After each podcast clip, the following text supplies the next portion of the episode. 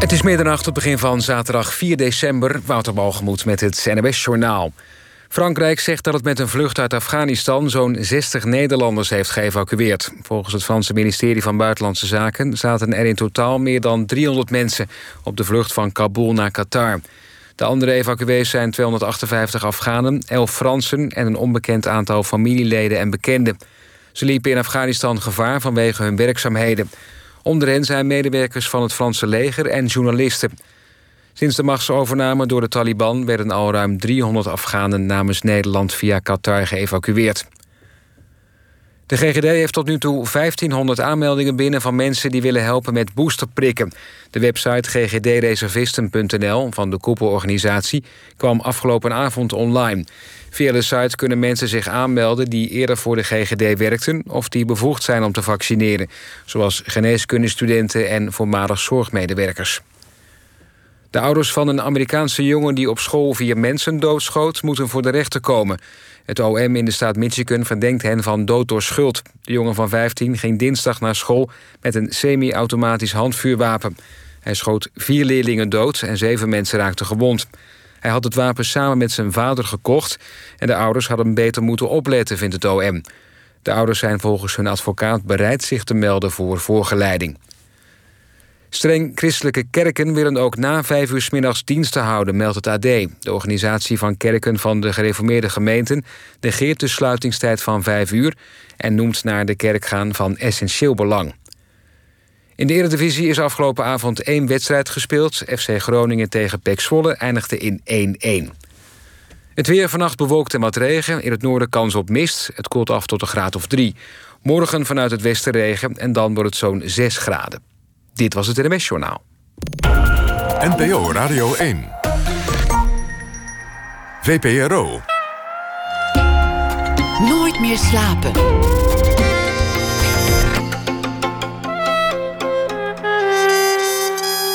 Met Lotje IJzermans. Welkom bij Nooit meer slapen. Tegenover mij zit fotografe Robin de Puy, van wie deze week een nieuw fotoboek verscheen, Down by the Water. Door de pandemie kon Robin niet reizen, niet naar haar geliefde Amerika, waar ze eerder veel vrijwerk schoot. Een hele serie over Randy bijvoorbeeld, de jongen uit Nevada met de ontroerend lange ledematen, de sproeten, flaporen en een zeldzaam open blik. Met hem bouwde ze een bijzondere band op, zoals ze met veel van haar modellen doet. En hoe langer ze niet reisde, hoe meer ze durfde te kijken naar de plek waar ze woont. In het Noord-Hollandse Wormer bleek haar fotografische oog ook te werken. Ook daar zag ze karakters die haar fascineren en bij wie ze zich thuis voelt. Want Robin de Puy is ervan overtuigd: een foto zegt natuurlijk iets over de geportretteerde, maar vooral over de fotograaf. Of, zoals de prachtige documentaire over haar heette, Ik ben het allemaal zelf. Robin de Puy is eh, 35 jaar, won sinds haar afstuderen aan de fotovakschool in Rotterdam tal van prijzen. Ook was ze fotograaf des Vaderlands en exposeerde ze van Maastricht tot Amsterdam. Fijn dat je er bent. Dank je. En wat een prachtig boek ligt hier voor ons uh, Ja. op tafel. Zo leuk dat het er is, gewoon hier. Ja, Ja. we hebben het vast, we ruiken het. Eh, het is de prachtige roze blad aan de zijkant. Geweldige foto's. Ja, goed, we gaan het erover hebben. Want het begon eigenlijk allemaal met jouw verhuis naar een gemaal in Wormer. Ja, Hoe kwam je daar terecht? ja ik, ehm, ik woonde dus in Amsterdam. In een soort pijpenla met aan de voorkant één raam. Eh, en dat was heel lang best oké. Maar ik ben volgens mij gewoon... Volgens mij, ben gewoon echt niet een stadsmens. Ehm, en eh, ik ben opgegroeid aan een haventje. eh, op Goeree Overflakkee. Ligt Oude tongen, hè? Oude? Tongen, inderdaad. Dat is de eiland boven Zeeland. En ehm, eh, ik weet niet, dat water, ik, ik hou wel echt van water. Dus ik was altijd wel een beetje aan het kijken van... Hmm, waar zou ik dan kunnen wonen? En ik hield dat een beetje zo in de gaten. En toen opeens was daar dat gemaal. En toen... Ik weet dat mijn vriend die zat ergens in Italië, die was aan het draaien en ik belde me een soort hysterisch van: ik heb mijn huis gevonden, maar ik weet niet hoe ik het alleen moet kopen. En ik oh, ja, maar ik, kunnen we hier later het even over hebben? Ja, maar het is echt, dit is het huis. Ehm, nou ja, en toen eh, nou ja, lang verhaal kort. Uiteindelijk heb ik het kunnen kopen en eh, is, dit, is dit mijn huis en ben ik daar heel erg op een plek. Ja. Iedereen is natuurlijk blij als hij zo'n mooi uh, huis vindt. Ja. Maar voor jou was het helemaal bijzonder, hè? want je had je eigenlijk nooit echt gezetteld. Nee, nee, ik vond het ook echt, uh, een, echt een lastig ding. Het grappige was ook, ik was dus eerst heel hysterisch blij over het huis. Tot ik ging kijken en toen ging ik een soort... Ik weet nog dat we op een terrasje zaten en dat nee, dat ik dacht, ja, nou, ik vind het toch eigenlijk, ja, ik vind het dan toch niks. Of nee, laat ik het dan toch maar niet doen.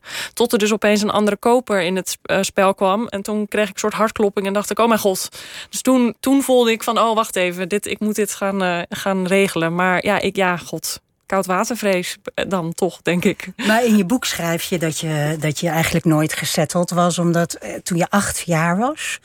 en een jongetje naast jou in de boomhut Ja. eh, vroeg of je verkering met hem wilde... Ja, dat je heel snel weg bent gerend. ja, ik weet niet wat dat is. Ik heb daar een, inderdaad een ding mee, zolang ik me kan heugen. Inderdaad, dat lieve jongetje, dat was mijn danspartner. en ehm, hij ging dan met zo'n spelletje. Ik weet het ook nog precies. Hij ging dan met zo'n spelletje. Dan moest ik de woorden raden. Net zolang tot ik de zin had geraden. Wil je verkering met me? Nou, ik, ik heb een soort raar lachje eruit geperst. Ik ben naar huis gerend. En ik, ik ben dus gestopt met dansles. Ik wilde nooit meer met hem spelen. Ik was helemaal. Ik heb alles verbroken met dat jongetje. Maar je ziet dat zelf als een soort teken van hoe jij het moeilijk vond om je ergens aan te binden of aan Ja. te verbinden. Of eh, en je zegt van het huis was eigenlijk het eerste, dit nieuwe huis, Ja. waar ik me echt aan bind. Ja, nou ja, en bijvoorbeeld eerder.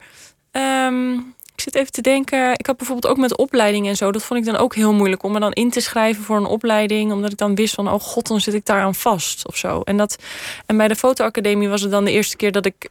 Nou ja, dat, dat, dat ik dat dan deed en dat ik dat ook volhield of zo. Ehm, maar dat, dat met een huis was dat natuurlijk hetzelfde. Ik vond het idee van een huis kopen en dat ik daar dan aan vast zou zitten of zo. Ik vond dat, vond dat echt niet te doen. Tot dit huis daar opeens was. En dacht, ja, shit. Het ligt op een dijk met, eh, tussen het Zwet Ja. en de Zaan. Ja. Twee eh, waters aan, aan beide kanten eigenlijk. Ja. Dat is een geweldige plek. Ja, dat is geweldig. Ik ben sinds een week, nee, niet we- sinds een paar weken ga ik dus nu iedere dag zwemmen in de Zaan. Ik ga proberen dat de hele winter vol te, vol te houden. Oh, ben jij er zo heen? Ja, ja, ja. ja. Nee, ja, het is heerlijk, toch? Dat water, ja. Je, je woonde daar net. eh, Toen heb je nog wel wat reizen gemaakt naar Amerika. Maar al Mm. Ja. snel kwam de pandemie Ja. en zat je thuis. Ja. Hoe, hoe was voor jou de lockdown? Want je kon, kon je nog fotograferen? je Ehm, commerciële werk, kon je dat nee, nog doen? Nee, de, eigenlijk alles is toen gecanceld. Dus ik had natuurlijk heel veel vaste klussen die zijn, eh, die zijn geannuleerd. En ehm, ja, ik weet niet. Ik, ik belandde eigenlijk in eerste instantie in een soort paniek van... oh mijn god, hoe moet, hoe moet dit? Ehm, ook omdat ik dacht, ja, maar ik, ik heb alles zo ook in Amerika opgebouwd. En, en ja, dan zat ik toch wel echt vast in Nederland, in het kleine landje. Zo opeens. Was, opeens was dat allemaal zo ver weg. Ehm, dus ik ging ook proberen echt me vast te houden aan mijn contacten daardoor. eh weet ik veel. Ik heb op een gegeven moment ging ik dan iedere avond. Ik had een soort hele audio set eh, bij mijn computer en dan kon ik met ze bellen. En dan ging ik alles opnemen. En nou ja, weet je, ik dacht dan kan ik op die manier nog met ze in contact blijven. Je kon het niet loslaten. Nee, nee, ik was ontzettend bang van, oh, nu raak ik het dan kwijt of zo. Ehm, maar ja, het grappige is dat, dat ik nu dan na anderhalf jaar of zo, denk ik, oh, Bijna twee jaar zit bijna erin. twee jaar inderdaad. Ja, denk ik, oké, nou, ik heb nu is het boek daar of zo. Eerst, eerst dacht ik, ik kan hier niks mee. Dat je dan ook als als eh, kunstenaar krijg je dan heel vaak de vraag: oh, je wordt dan alsof je moet dan iets creëren in zo'n moeilijke tijd. Van nou, mensen die dan iets creatiefs doen, die, die gaan dan echt floreren opeens. Of die kunnen vast iets moois maken uit deze tijd. Terwijl ik alleen maar dacht: ja, maar ik, ik voel me helemaal niet geïnspireerd. Ik voel me alleen maar doodsbang van hoe, hoe moet dit? En dat is totaal, nou ja, dat staat haaks op een soort inspirerende toestand. Ehm, maar ja, nou ja, toch heb ik uiteindelijk daar dan. Ja, op een gegeven moment, ja. in, als je in Amerika rondreist, dan, dan wacht je tot je een kop ziet voorbij komen. Of, of een lijf waarvan je denkt, ja, dat moet ik vastleggen. En ja. dat gebeurde je op een gegeven moment ook in Wormer. Ja, Wie was de eerste die je daar wilde fotograferen? dat was Henk. En eh, Kun je Henk beschrijven? Ja, Henk, ehm, Henk loopt een beetje zo voorover. Is een hele lange, dunne man. Uh, en op het moment dat ik hem ontmoette of zag lopen, had hij een vogel op zijn schouder. En die vogel had ook, die pikte zeg maar de hele tijd aan zijn jas en aan zijn blouse. Dus hij had zo'n soort zo'n gat, zo'n oh. soort weggevreten gat op zijn schouder. Uh-huh. Met daaronder een enorme vlek van vogelpoep, want die vogel die poepte daar natuurlijk ook de hele tijd. En uh, hij rookt checkies. Uh, heeft ook... de, de man, Henk. De man, sorry, ja, niet de, de papegaai. Nee, inderdaad. Henk, Henk rookt checkies. Heeft ook de bijpassende hoest. uh, en uh, zelf zegt hij dat dat niet komt door de zware check die, die, die hij rookt, maar doordat hij ooit een stuk van een paraplu ingeslikt heeft. Zoiets. Als kind. En, um, maar waar kwam je hem dan tegen? Ja, hij liep op straat en ik reed voorbij en ik dacht, oh, dat is echt leuk. Dus ik, ik stopte. Maar het was ook aan het begin van die eerste lockdown. Dus ik was heel bang ook met die COVID. En ik dacht, oh, en ik, ik had geen mondkapje. Maar hij wilde dan dat ik in zijn huis kwam. En het was allemaal een soort hele gekke toestand. Maar ik ging toch met hem mee. En toen ja, ontstond daar eigenlijk meteen een heel leuk contact. Ik durf, ik durf wel te zeggen, zelfs misschien een vriendschap. Het, hij was gewoon. Hij, hij verwonderde me ook met van alles. Dus opeens ging hij opera zingen. Dat kon hij dan schijnbaar. En, en ja, die vogel, die kreeg ik dan ook natuurlijk op mijn arm. En dat was dan echt zijn, ja, zijn maatje.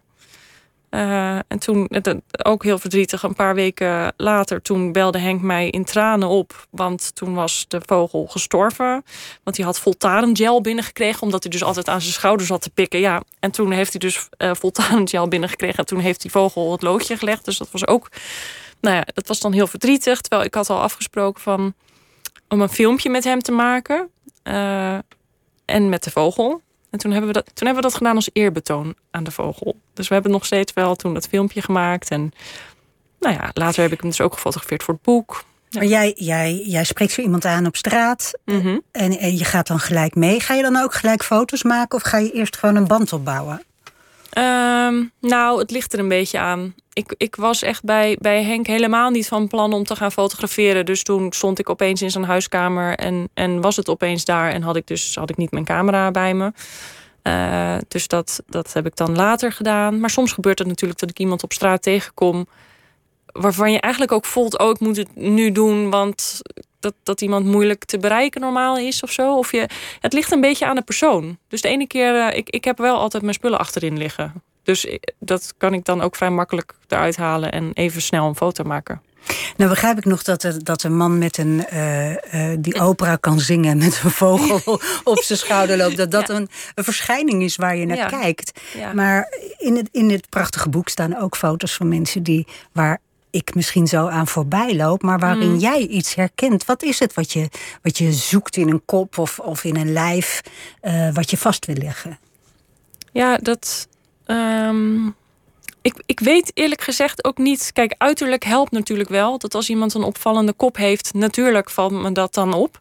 Maar ik denk dat het ook heel vaak ja, toch iets in je onderbewustzijn is. Iets wat je herkent. Een soort, weet ik veel. Je zit allebei op dezelfde frequentie en valt elkaar op of zo. Ik weet, ik weet niet precies wat het is. Maar het is in ieder geval een heel sterk onderbuikgevoel.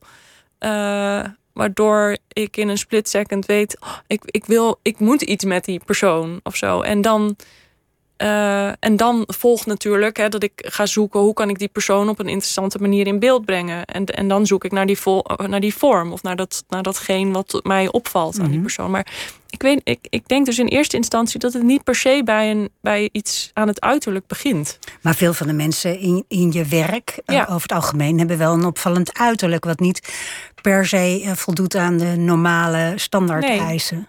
Ja, maar ik denk dus ook deels dat dat echt ik benadruk natuurlijk ook bepaalde dingen als ik de foto maak. Dus eigenlijk precies wat jij net zegt. Dat hè, bij heel veel van deze mensen kan het zomaar zijn dat jij er aan voorbij loopt. omdat ze op dat moment nog niet zo opvallen. Dat is hetzelfde bij Randy bijvoorbeeld. Hè, dat. Um, uh, veel mensen, als ze Randy uh, achter zich hebben staan in de rij, dan ja, weet je, je denkt ook oh, een beetje, mm, ja, wat, wat is dat jongetje of wat? Apart. Maar, ja, maar het valt je, ja, je ook niet heel erg op of zo. Totdat je hem op een voetstuk plaatst en net op een andere manier belicht. En opeens is die persoon ja, niet apart, maar is het een icoon. Dat, Ja. dat vind ik zo, ja, dat, dat is toch fantastisch dat je dat kunt doen dan in Ja, die dat vorm. is echt wat jij doet. Ja, ja. En, en waarom dacht je altijd dat je dat alleen in Amerika kon vinden? Die, die mensen van, van wie jouw intuïtie zei: ja, ja, hier moet ik iets mee.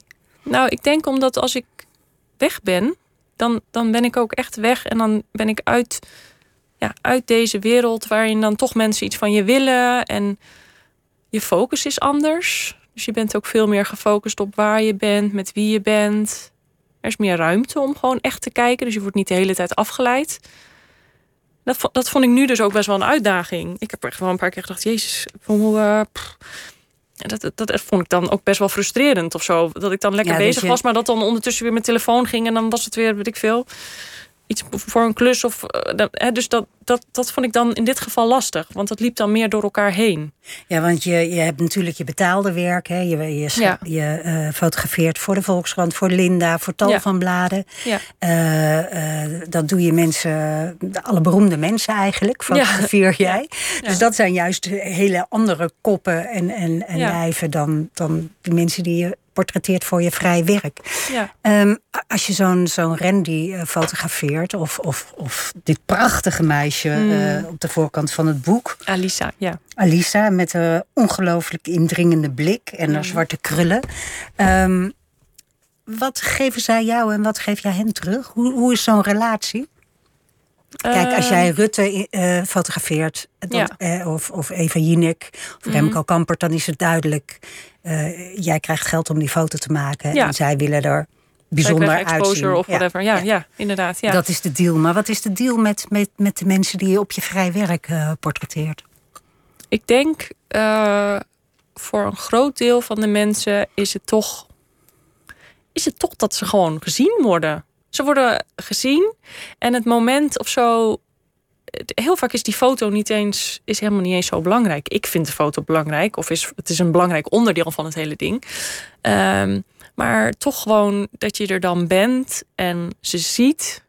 En ik zie ze ook echt. En ik benoem ook heel vaak wat ik zie of zo. Ik ben daarin volgens mij ook best wel ja, duidelijk. Als ik iemand Mhm. mooi vind, dan, dan, dan is dat aan alles duidelijk.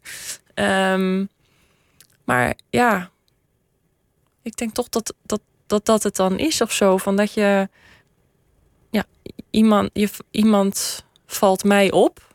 En dat zorgt toch ook voor, ja, voor een fijn gevoel bij die ander of zo. Ja, en wat krijg jij behalve de mooie foto? Want er moet een soort evenredigheid in dat contact Ja. zitten, toch? Ja, ja. Maar dat is natuurlijk andersom hetzelfde. Want zij zien mij op dat moment. Het, en het is echt iets van ons samen. Op dat moment zijn alleen maar die persoon en ik zijn in dat moment of zo. Dat, vind, dat, is, dat is wel echt bijzonder hoe dat dan. Wat er dan gebeurt ook of zo. En het, het gaat heel vaak. Het ziet er heel vanzelfsprekend uit of zo. En het ziet er misschien heel vluchtig uit. Maar dan opeens is dat beeld daar. Of zo. En, en, en dat beeld kan ook dan nog eens zomaar.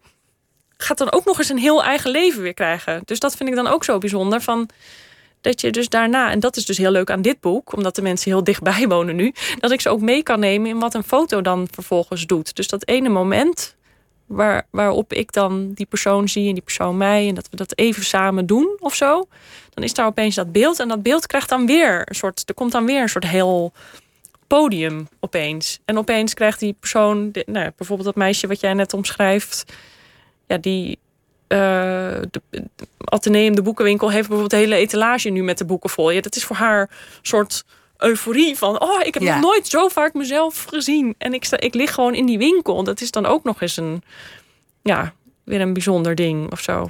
Het moet voor jou wel een soort bevrijding zijn dat je eh, dat oog voor mensen, voor bijzondere mensen met wie je iets hebt en die je Mhm. een podium kan geven, dat je dat ook in Nederland hebt.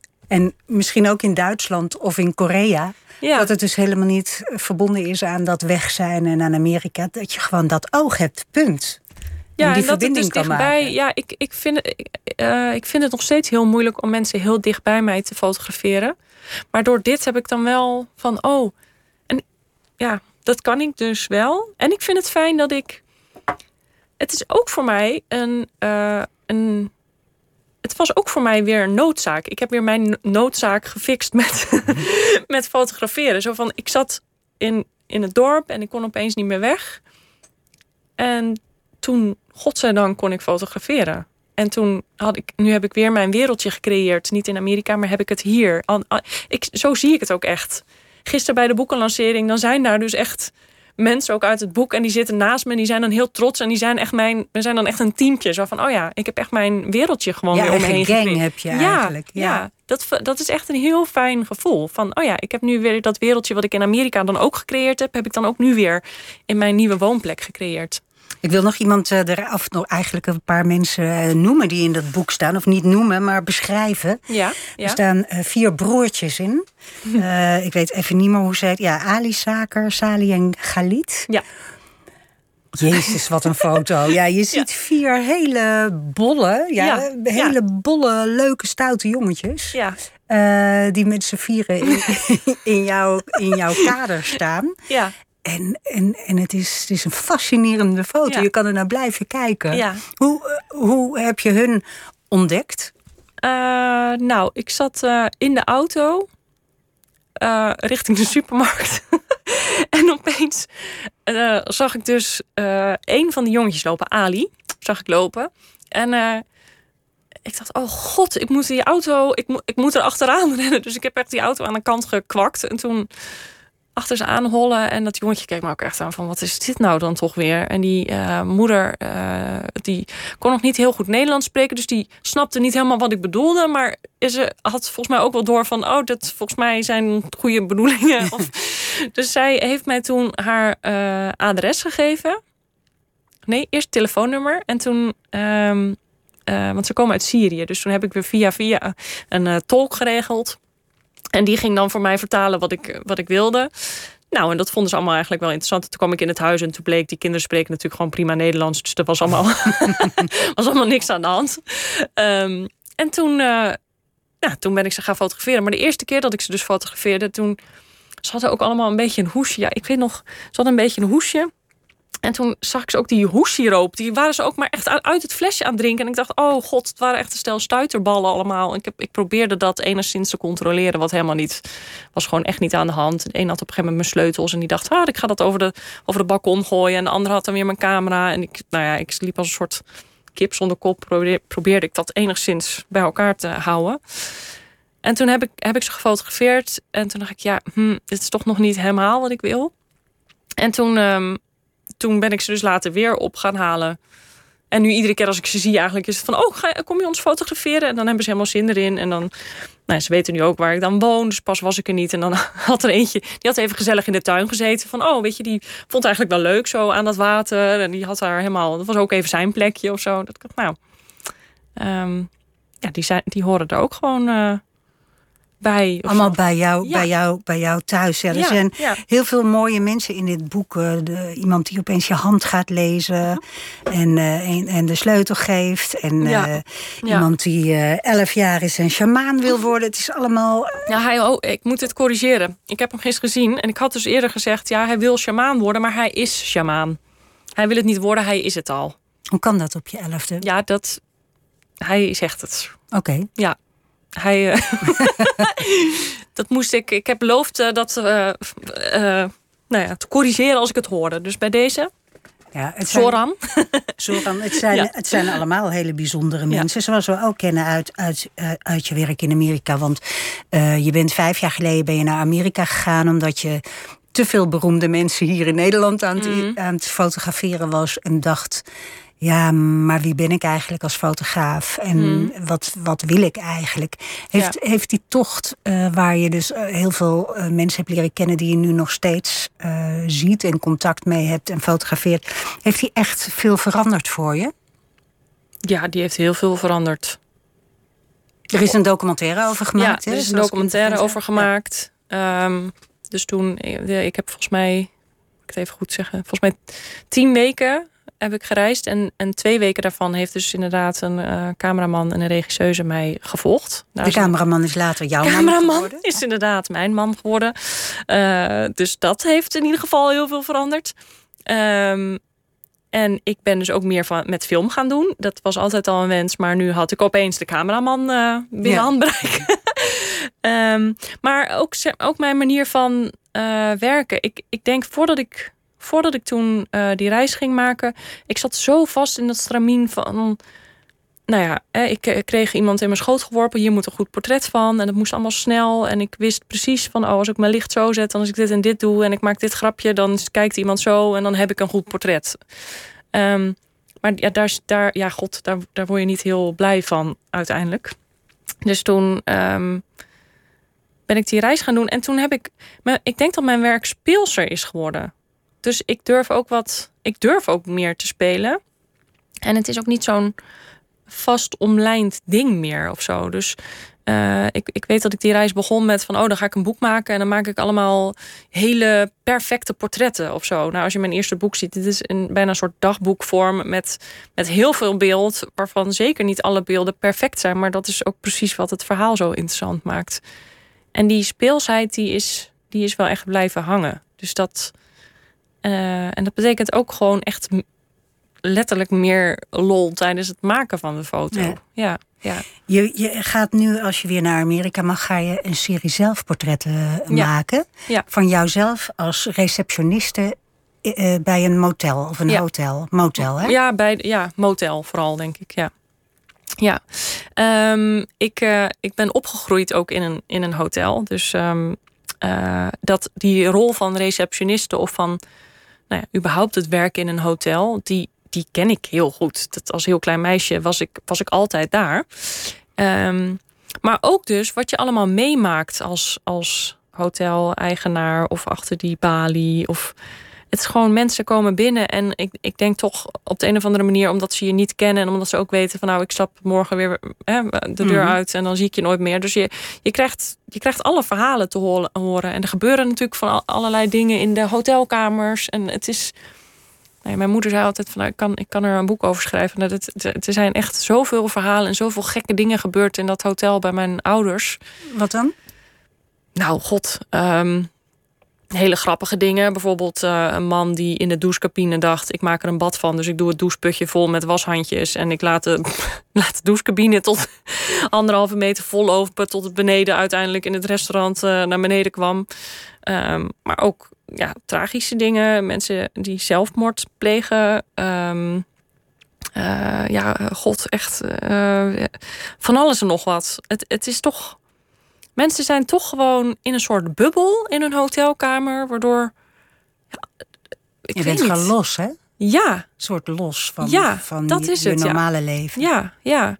Dus je, je, je krijgt gewoon heel veel ja, dingen voor je kiezen. En soms zijn die leuk en soms zijn die verdrietig. En um, toen dacht ik, ik moet daar, ik moet daar, ik moet daar iets mee.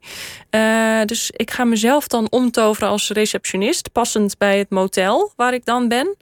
Uh, en ik dacht, volgens mij is dat ook namelijk een hele mooie, een mooie maatstaf voor hoe het überhaupt met die maatschappij gaat, of hoe het met die plek gaat. Ik sprak een keer iemand, een moteleigenaar in um, volgens mij was het in New Mexico was het. En die zei: Ja, uh, als moteleigenaar, je bent eigenlijk een soort. Um, je, je bent heel vaak de enige persoon die men spreekt. Dus ze komen je hotel binnen, ze spreken jou of ze spreken iemand bij een, bij een benzinestation, maar eigenlijk niet veel meer mensen. Dus jij bent ook degene die vertelt hoe het met de omgeving gaat en je motel, hoe dat eruit ziet en of het wel of niet daarmee goed gaat of zo. Dat is allemaal eigenlijk een weerspiegeling van die, van die plek. En toen dacht ik, hoe mooi is het als, als ik de uh, receptionist neem als, ja, als een soort gids. Of als inderdaad die maatstaf van, oké, hoe gaat het op deze plek en hoe gaat het op die plek? En ben ik eigenlijk in staat. Ik dacht ook, door, door al die ontmoetingen die ik had als kind en als, als puber, met al die mensen van overal vandaan, ik kon mezelf dus ook heel goed in een vrij rap tempo op eenzelfde level brengen met die persoon of zo. Of iemand nou heel, rijk was en, en, en weet ik veel paarden kwam kopen in Nederland of zo. Of dat iemand geen huis had en door de politie bij ons gedropt werd omdat er geen andere plek was. Met iedereen kon ik praten en met iedereen had je een connectie of zo. Dus ik dacht, hoe, ja, misschien een soort experiment. Ja, want je gaat niet die receptionisten fotograferen, maar jezelf in die ja, rol. Ja, ik ga dus inderdaad mezelf echt dus het is ook een zelfonderzoek, neem ik aan. Ja, ik ga dus echt mezelf transformeren in, die, in al die verschillende receptionistes. Dus ik, ben, ik ben ook heel benieuwd. Ik heb één testje gedaan in Nederland. En um, eh, oh ja, en dat moet ik ook nog toevoegen. En dus als ik die receptioniste ben, dan uh, hoor je tegelijkertijd ook de verhalen van de, van de moteleigenaren. Dus ik wil ook in plaats van dat de gasten nu spreken, ga ik de mensen in het motel laten spreken. Um, dus ja ik, ja, ik ben ook wel nieuwsgierig van kan ik dat? Misschien kan ik het wel helemaal niet. Misschien blijf ik de hele tijd mezelf.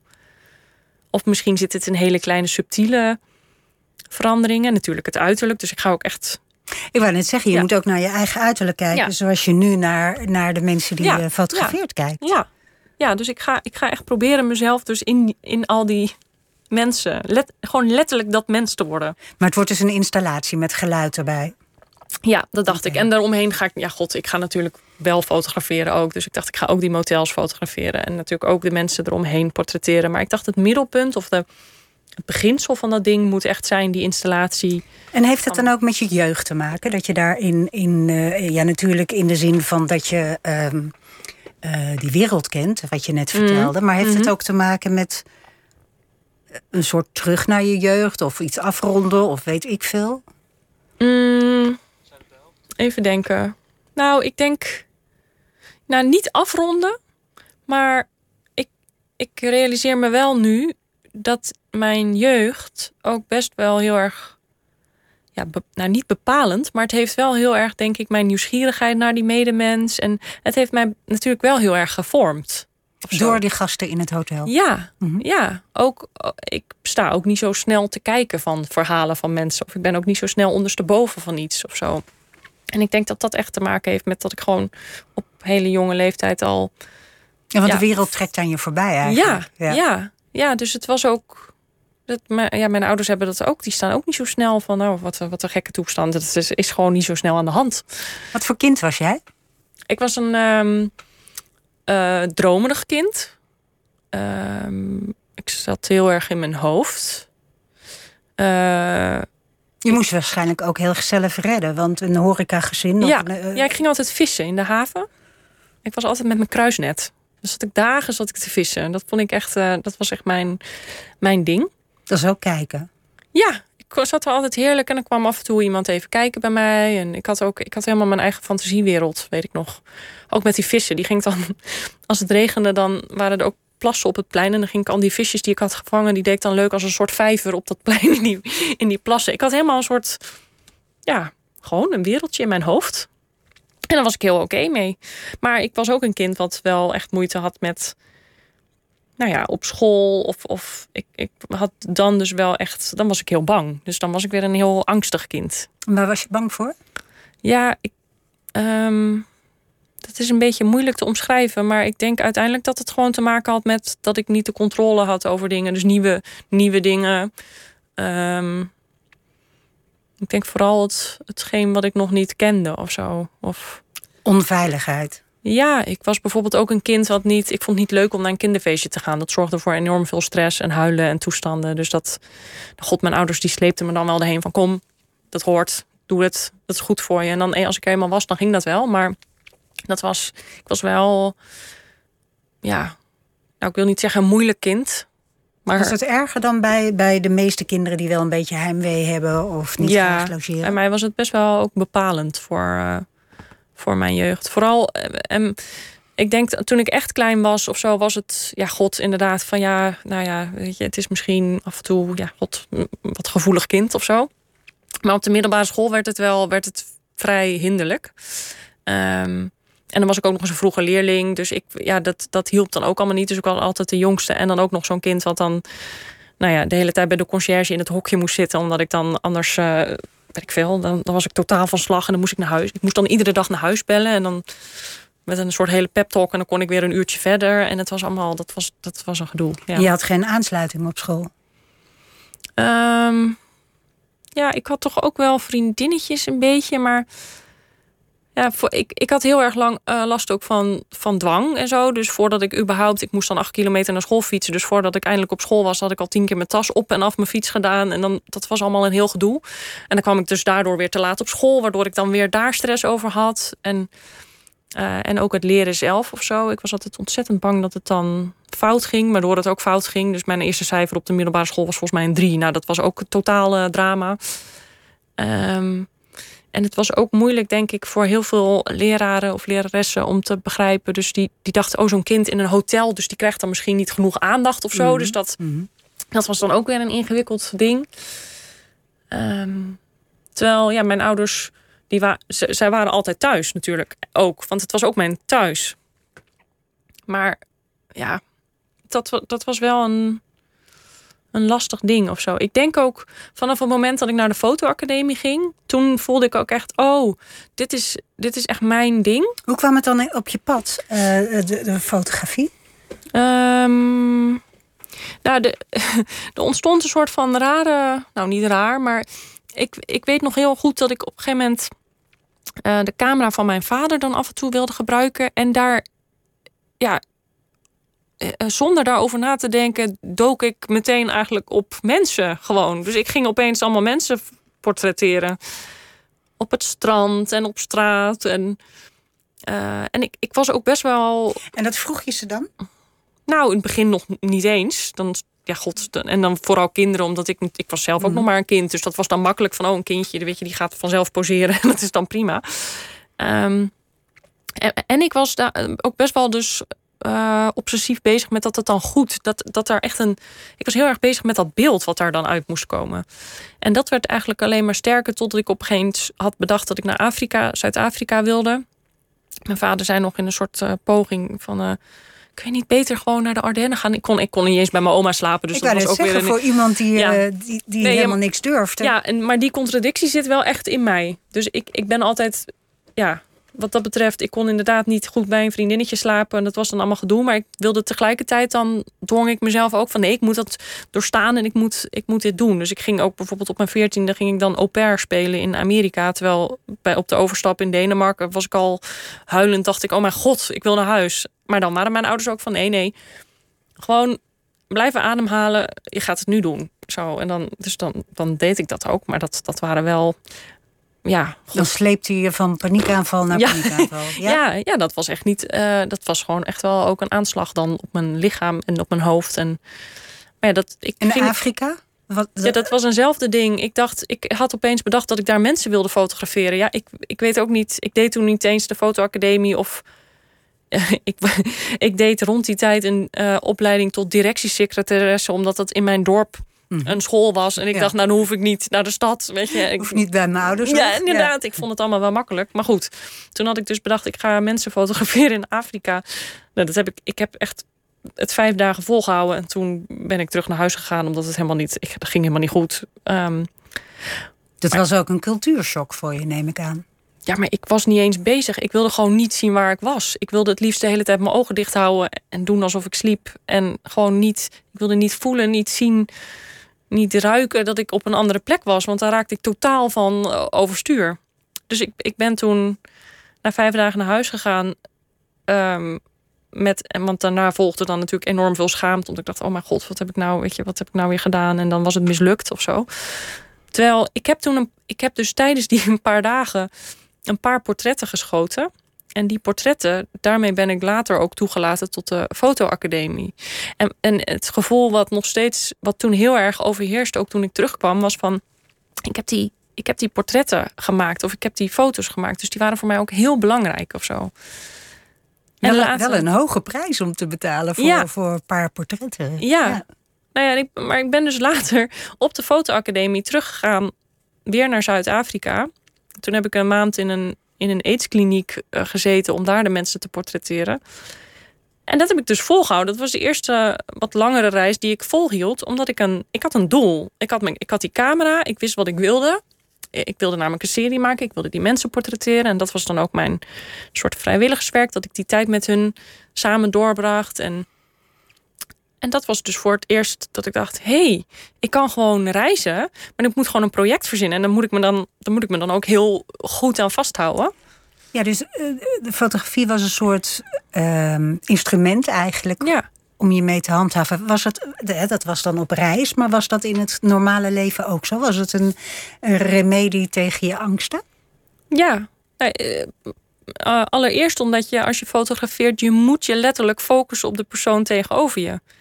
Nou, je, je- en je, ja, je kan dus dan ook niet. Angst zit echt heel erg in, in je lichaam of zo. En het is... Ja, maar angst kan, is ook zoiets dat alsmaar doorgaat in je hoofd als een soort tweede werkelijkheid. Ja, maar het is ook iets dat bij een paniekaanval leer je bijvoorbeeld van, oh ja, je moet echt van wat voel je, waar zit je op, kun je, uh, hoe is het warm, is het koud? Je moet heel erg leren op dingen die buiten jou staan te focussen. En voor mij was fotografie, ja, was dat eigenlijk. Hè? Ik moest kijken wie tegenover mij zat, hoe reageert iemand, um, al, allemaal dat soort dingen. Het grappige is ook toen, toen ik begon met fotograferen, ik begon met zo'n uh, houten 4 bij 5 inch kast waar je dan onder een deken staat. Ja, ja, ja. echt een hele ouderwetse ja. camera. En ik vond het heerlijk, want ik kon onder die deken staan. En mensen moesten namelijk doodstil staan, want anders dan ging je uit de focus. Dus zowel ik als die persoon mocht niks zeggen, want anders ging het mis. Dus ik had daar, ik had volledige controle zonder dat ik ook maar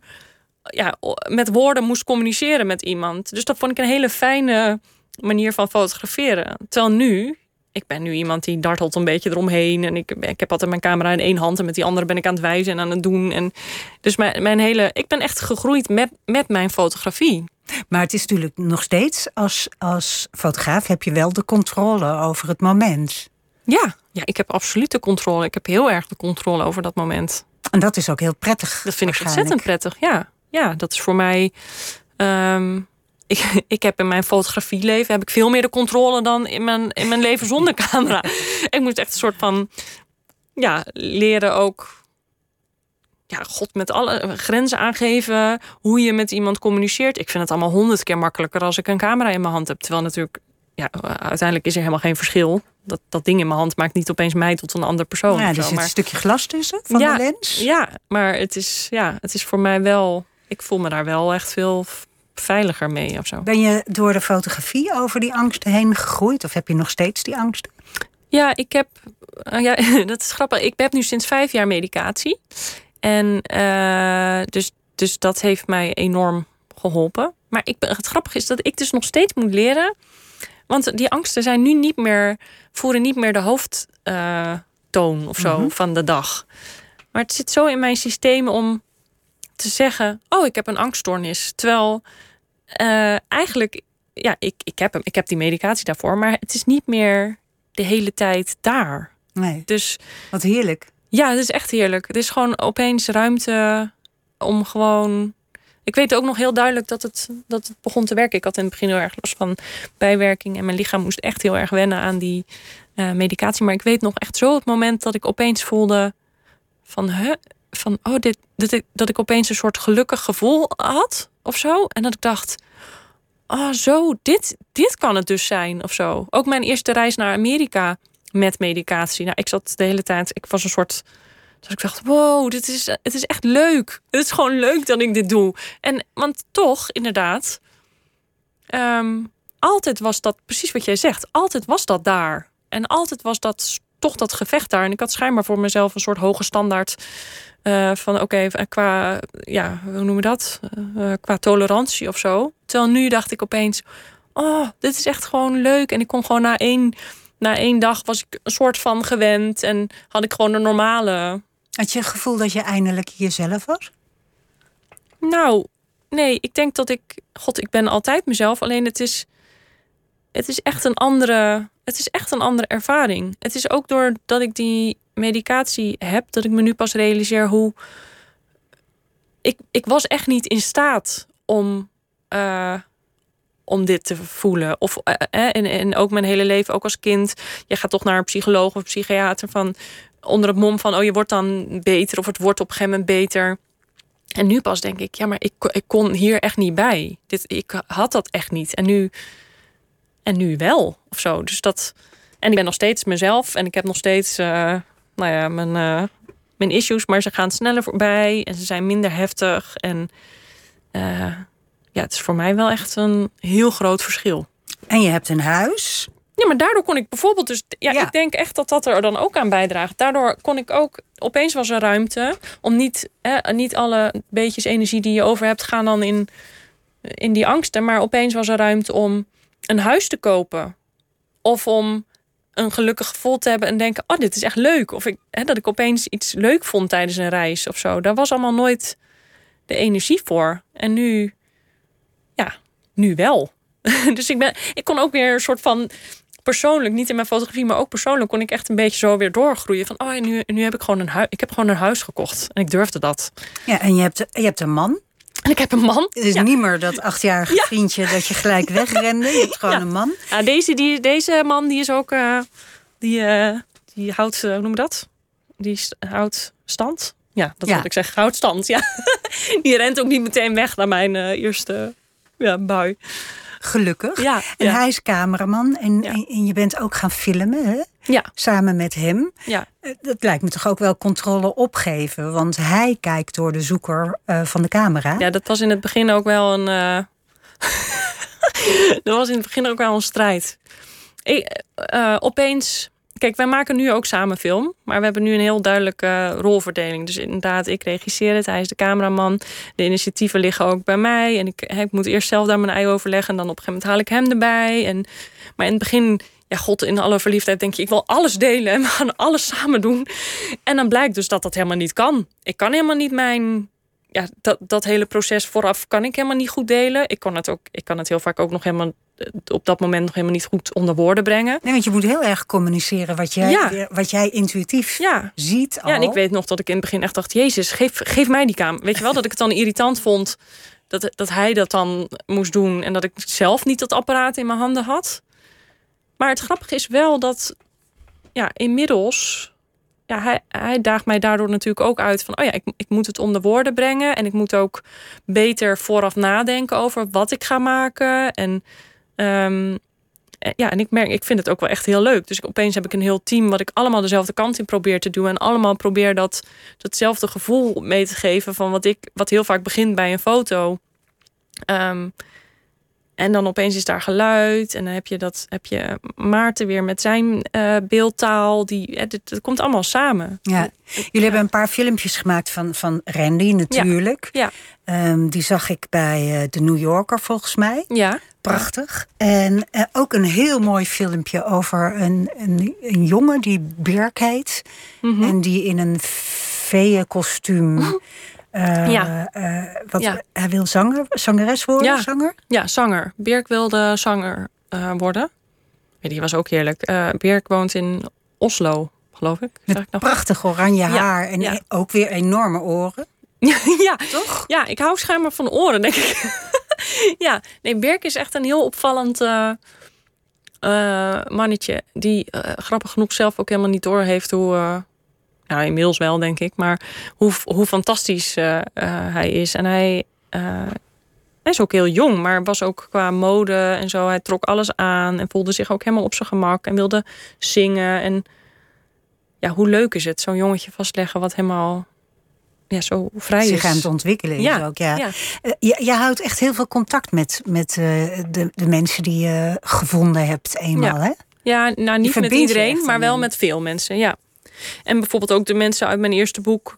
Nog steeds, als ik dan in Amerika ben, ga ik ze. eh, En ik ben op een bepaalde plek ga ik zoeken van oh, wie heb ik hier gefotografeerd? En dan vind ik weer eh, mensen terug van, weet ik veel, zes jaar geleden of misschien wel langer.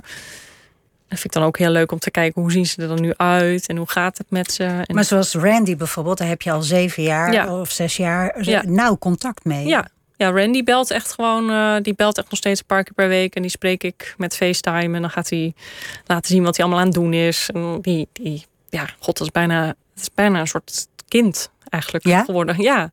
Als hij zijn teen stoot en heeft de zere voeten, gaat hij, mij, gaat hij mij bellen. En dan kan ik dat oplossen door, weet ik veel, boodschappen in de supermarkt bij hem te bestellen. Dat kan ik vanuit hier doen. Of ik kan hem geruststellen of we kunnen het hebben over bepaalde dingen. Of Dus eh, door die fotografie verbind je je juist wel heel erg aan mensen. Ja, ja. Ja, dat is ook echt mijn manier om me te verbinden met mensen. Eh, want daarbuiten, ik ben, ja, ik had het er pas met iemand over. Ik ben vol, grappig genoeg, volgens mij helemaal niet. Ik ben niet een heel sociaal iemand. Als in, ik heb geen grote vriendengroepen waar ik gezellig van, oh, kom allemaal gezellig langs. Dat nou, moet ik Maar je niet praat wel heel makkelijk. ja, maar ik praat heel makkelijk. En volgens mij, ik ben ook best wel, wat dat betreft, een open boek of zo. Dus, eh, en, en ja, als ik dan mensen fotografeer, dan ontstaat dat. Maar dan heb ik, ja, ik weet niet wat dat is. Ik, ik, kan ook, ik, moet er, ik kan me ook niet voorstellen dat Randy of zo er niet zou zijn meer. Of zo. Dat, dat, die krijgt zo'n rol in mijn leven. Of is het dan vriendschap? Ja. Ja, en het is. Het ligt natuurlijk ook aan hè, wie, wie het is. Maar uh, ja, Randy heb ik wel echt ontmoet ook als jong mannetje. Dus die, ja, die zie ik ook echt ouder worden. En hij, ja, hij, wordt nu, hij is nu dan 22. Zijn 21ste verjaardag zouden we eigenlijk in Vegas vieren. Maar ja, dat kon dus niet door COVID. Maar hij heeft nu een, een, baan in de supermarkt. En dan gaat hij iedere ochtend, als hij dan, dan is hij iedere ochtend heel trots dat hij heel vroeg opstaat. Nou, dan kan hij mij natuurlijk gewoon bellen, want dan is het bij mij vier uur s middags of zo.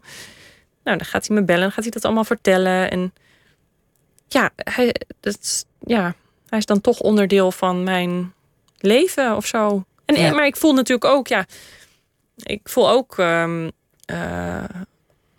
nou ja, bijvoorbeeld als hij ziek is of zo, dan ga ik inderdaad zorgen dat hij fruit en groente krijgt. Mhm. zo van, oh ja, dan. Ik vind het dan ook. Ik vind het ook ergens heel cool dat dat gewoon kan. Zo, ik zit hier en hij zit daar. En, en door COVID kan ik dus niet meer um, twee keer per jaar naar hem toe. Maar ik kan wel, nog steeds is die band daar. Ja, en nog steeds. Uh, en hij zorgt op zijn manier ook voor mij. Hè? Dus als ik, als ik me verdrietig voel of zo, dan merkt hij dat. Of dan heeft hij dat door. Of dan. Um, ja. Ik weet niet. De, uh, ja, hij, hij is ook zorgzaam weer naar mij toe. Dat schrijf je ook in je boek, hè? Dat je door de mensen die je fotografeert, dat je je ook door hen gezien voelt, maar ook dat je zorg voelt uh, ja. van, van het gemeenschapje. Ja. Uh, ik, ik, moet nog even over je naamgenoot. Want dat, ik las dat en ik vond het zo gaaf. Ja, je hebt iemand gevonden in New York die Robin de Pui heet. Ja, ja ik zat uh, volgens mij, ik zat nog op de fotoacademie, geloof ik. Het moment dat ik mijn eerste website had aangemaakt, heeft dus iemand uh, in upstate New York heeft haar eigen naam gegoogeld. En kwam dus op mijn website terecht. Zij heeft mij toen een bericht gestuurd van... oh, wat grappig, we hebben allebei dezelfde naam. Uh, ik heb een hele stamboom en er kwamen allemaal... Uh, toen bleek dus, nou hier hoor je bijna... of je hoort zelden mijn naam hier. Maar daar bleek dus gewoon... Ik weet ik veel, je hebt een kennel house met mijn naam... en allemaal hele families wonen daar. Dus ik denk, nou, wat is dat nou toch voor grappigs? En we hebben eigenlijk altijd contact gehouden tot op een gegeven moment... Ja, ik was natuurlijk best vaak in New York en zij woont twee, twee uur eh, meer naar het noorden. Dus ik dacht, nou, dan ga ik mhm. gewoon met de trein ga ik naar haar toe. En we hebben dus ook een hele leuke band. Zij, zij noemt mij ook haar uh, alter ego. Dus, dus, en het is ook Hoe een beetje... is ze? Zij is, uh, even kijken, tegen de 60, geloof ik. Ja. Ze woont, op een, uh, ze woont in de Catskills en een, ja, op een soort ranch-achtig ding met allemaal paarden. Ze is een grote paardenfanaat. Um, ja, ik, ja, iedereen ja. zou op een ander werelddeel een naamgenoot moeten ja, hebben. Ja, het is toch leuk. Ja, ik je alter ego. Ja, ja, ik vind het ook echt. En we hebben gewoon, we zijn ook echt een hele goede match. Dat is ook zo grappig. We zijn echt, ja, ik weet niet. We hebben een hele goede band en, en dan iedere keer als ik daar ben of zo, dan ik veel, neem ze me mee in een koets of dan gaan we weer ergens eten. Ze heeft een man, Ray, en die rijdt dan motor. Dus die vindt het dan fantastisch dat ik dan ooit op die motor ging. Weet je, het is gewoon, als ik ze vraag voor iets, nu met de teksten in mijn boek bijvoorbeeld, had ik een paar vragen over van, oh, hoe, hoe zeg ik dat nou goed? Of, nou, en dan is ze daar. Ze is ook echt, ze doet alles voor, nou, ze zorgt voor mij. Ja. En ja, ik dus ook voor haar. Het is zo, dat is zo leuk dat dat dan. Ja, geweldig. Ja, dat dat is of zo. Ja, ja en dat allemaal omdat zij, en dat contact is echt, dat is wel echt ontstaan, omdat zij mij contacten van hey, je hebt dezelfde naam, wat is dit nou voor uh, grappigs? Maar eigenlijk zijn het allemaal muzen van je. Ja, ja. Ik vind het ook echt, en ik hoop dat dat voelbaar is als mensen naar mijn werk kijken. Ik, ik ben echt heel erg gek op alle mensen die ik fotografeer. Ik voel ook, um, en sommige mensen zeggen dan, uh, ja, je, uh, wat zijn dan wel aparte mensen of zo. Maar ik, ja, ik, ik weet niet precies wat dat betekent. Het zijn voor mij echt mensen die, die mij opvallen. Maar ik, om, omdat ik, ik vind ze gewoon echt heel fantastisch of zo. En ik word ook echt heel blij van ze. En, en alle dingen die, die we misschien nou ja, in de maatschappij bestempelen als opvallend of net buiten de standaard of, of weet ik veel wat voor stempels we allemaal ervoor hebben. Voor mij ik, ja, ik, ik probeer dat dan toch ook zo te fotograferen dat dat ook weer uh, zijn schoonheid heeft of draagt. En, en dat, dat dat dan ook op die manier gezien wordt. Nou, dat is ook wat je doet. Je zet ze inderdaad op een voetstuk en, ja. en maakt er een prachtbeeld van. Ja. Je hebt ook uh, Marina Abramovic, de beroemde performancekunstenares, heb je ook gefotografeerd. En het is eigenlijk een beetje hetzelfde verhaal als met je naamgenoot. In de zin van dat je voelde een enorme klik. Ja. Ja, ik was altijd wel gefascineerd door haar werk. Ook um, nog voordat ik überhaupt zelf verstand had van weet ik veel, kunst of fotografie of wat dan ook. Uh, maar ik had ooit een filmpje van haar gezien waarin ze heel hardhandig haar haar borstelt. En ik vond dat toch zo fascinerend. En ik, en zij is altijd heel erg bezig met een grens opzoeken en daar bewust overheen stappen. Zichzelf op die manier ook soms helemaal uitputten, maar wel daardoor ook weer verder komen in de werk en zo.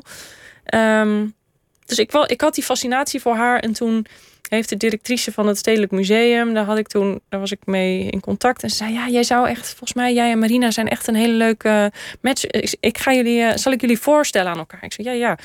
En toen uh, heb ik dus na mijn die reis in Amerika kwam ik aan in, uh, in New York. En toen ging ik haar dus fotograferen. Want ik dacht, dan sluit ik die reis af met een dubbelportret. Uh, en zij kwam ook net, weet ik veel, uit Australië. Dus zij had een enorme jetlag. Dus we waren allebei een beetje soort van nou, een beetje moe of zo. Maar zij deed de deur open en het was gewoon, ik weet niet. Wel, ik had dan bedacht, oh, ik wil dan een zelfportret met, jou, met jou bij mij of naast mij. Misschien kunnen we dan liggen. Of zei, ja, ja, we gaan dan liggen. We hadden ook een soort vanzelfde ideeën daarover. En ik ging dus zo bij haar liggen. En dat voelde ook, we zeiden ook allebei van, oh, dat voelt echt. Het, het zou echt, als je de foto ziet, ook qua uiterlijk grappig genoeg, het zou echt mijn moeder kunnen zijn. Het was een ja, nogal frappante toestand die voor ons beiden eigenlijk heel kalm en heel rustig en heel liefdevol voelde. En dat zie je volgens mij ook in die foto. Dus dat, dat is dan wel weer. Ja, dat vind ik dan ook weer zo grappig hoe dat dan. Er zit een enorme intimiteit in, in al je foto's eigenlijk, ja. toch? Ja, ja. Ja, dat vooral. Nou ja, ik denk overigens ook mijn zelfportret met Randy bijvoorbeeld, daar zie je het ook. Dat is voor mij ook dat is denk ik ook met die zelfportretten. Dat vooral als ik de zelfportretten maak met iemand. Uh, dat is voor mij de manier om te tonen ook wat, hoe dichtbij iemand is. Of als je Randy ziet, die ligt met zijn hoofdje op mijn schouder of zo. Dat, die foto vertelt precies, of die laat voor mij precies zien wat Randy voor mij betekent. En datzelfde met, met Marina, hoe wij daar samen liggen. Volgens mij zit daar, voel je ook die rust en dat vertrouwen wat, wat er tussen ons beiden is of zo. Dus het is natuurlijk mijn, het is mijn manier van communiceren eigenlijk. Ja. ja.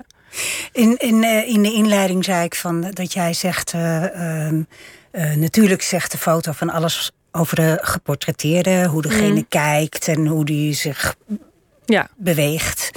Ehm, maar ook heel erg veel over jou. Wat zegt dit nieuwe boek, Down by the Water? Hmm. Over Wormer en, en jouw, jouw stadsgenoten. Is Wormer een stad? Nou ja, het hoort bij Zaanstad, hoort het toch? Ja, maar het is wel. Wormer is... dan een dorp. Maar goed, ik heb ook weer mensen een beetje eromheen. Nou, hmm. dat gebiedje. Ja.